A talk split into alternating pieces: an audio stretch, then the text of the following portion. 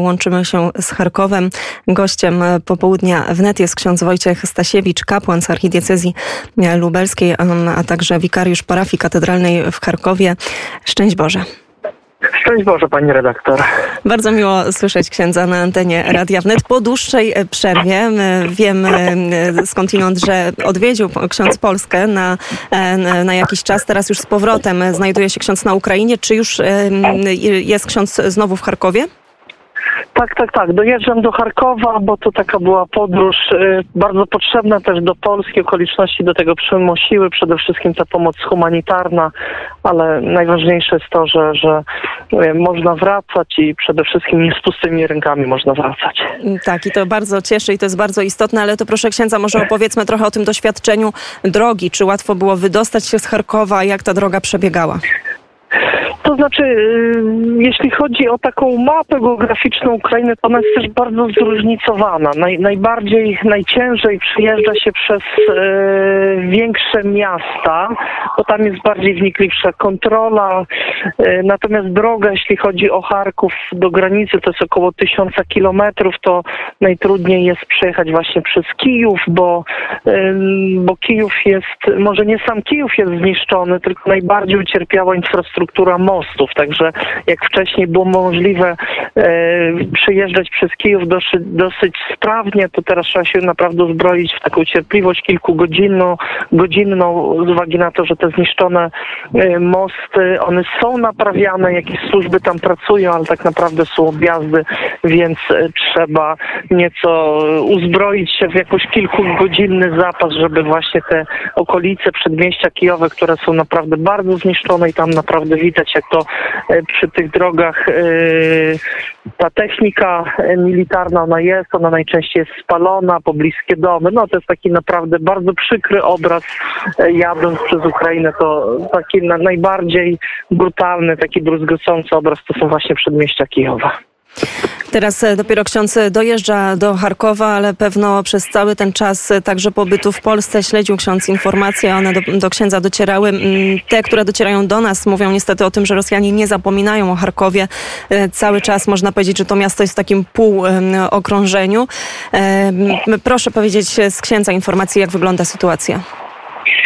No to znaczy, tak naprawdę ta sytuacja, y, ona jest na takiej równi, na, na równi, bo, y, bo jeżeli jest tych więcej obstrzałów w sam Charków, no to jest nieco mniej w województwie charkowskim. Dzisiejszego dnia, tak jak właśnie wolontariusze mówili, właśnie było spokojniej właśnie w samym Charkowie, no spokojniej to, to nie znaczy, że, że nie było tych obstrzałów, ich było tam kilkanaście w ciągu dnia, ale, ale właśnie wspominali wolontariusze, że bardzo dużo dużo właśnie było w rejonie charkowskim, że tam szczególnie takie miejscowość właśnie Dyrhaczy, Izium, Balakleja, no to tam najbardziej w dniu dzisiejszym było właśnie tam najaktywniejsze. Także niestety ta skala działań militarnych, jeśli chodzi właśnie o województwo charkowskie, jak i sam Charków, tak naprawdę ona niewiele się zmieniła, może nieco mniej jest tych obszarów w samym Charkowie, ale i tak, i tak niestety każdego dnia, a szczególnie właśnie w nocy,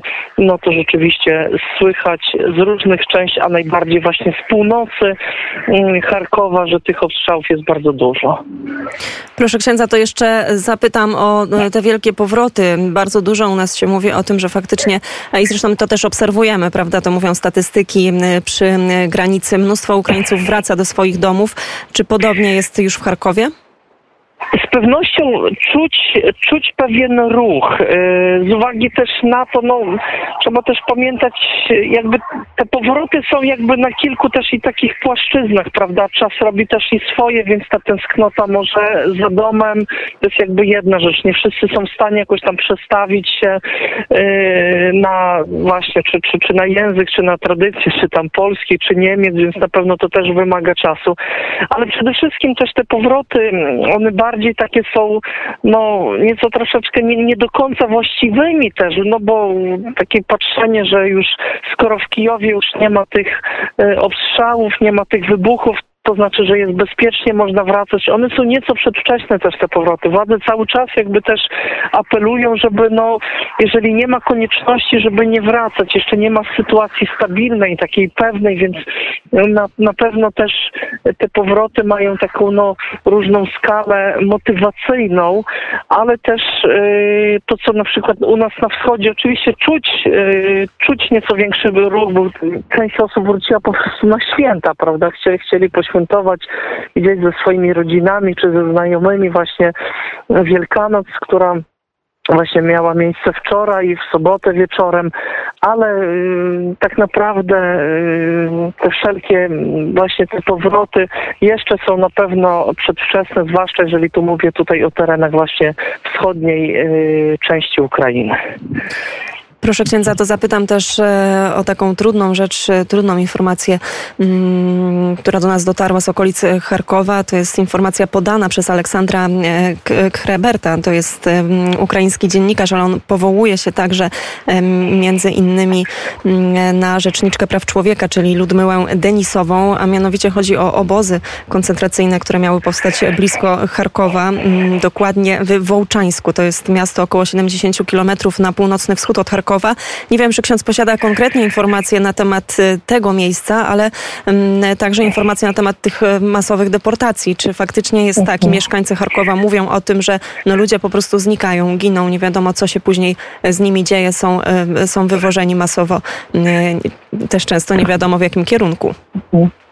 No, pani redaktor, tutaj trzeba zawsze jakby mieć też i na uwadze, że te działania e, okupacyjne, te działania ludobójstwa, które mają miejsce, e, te działania są też w różnej skali przeprowadzane.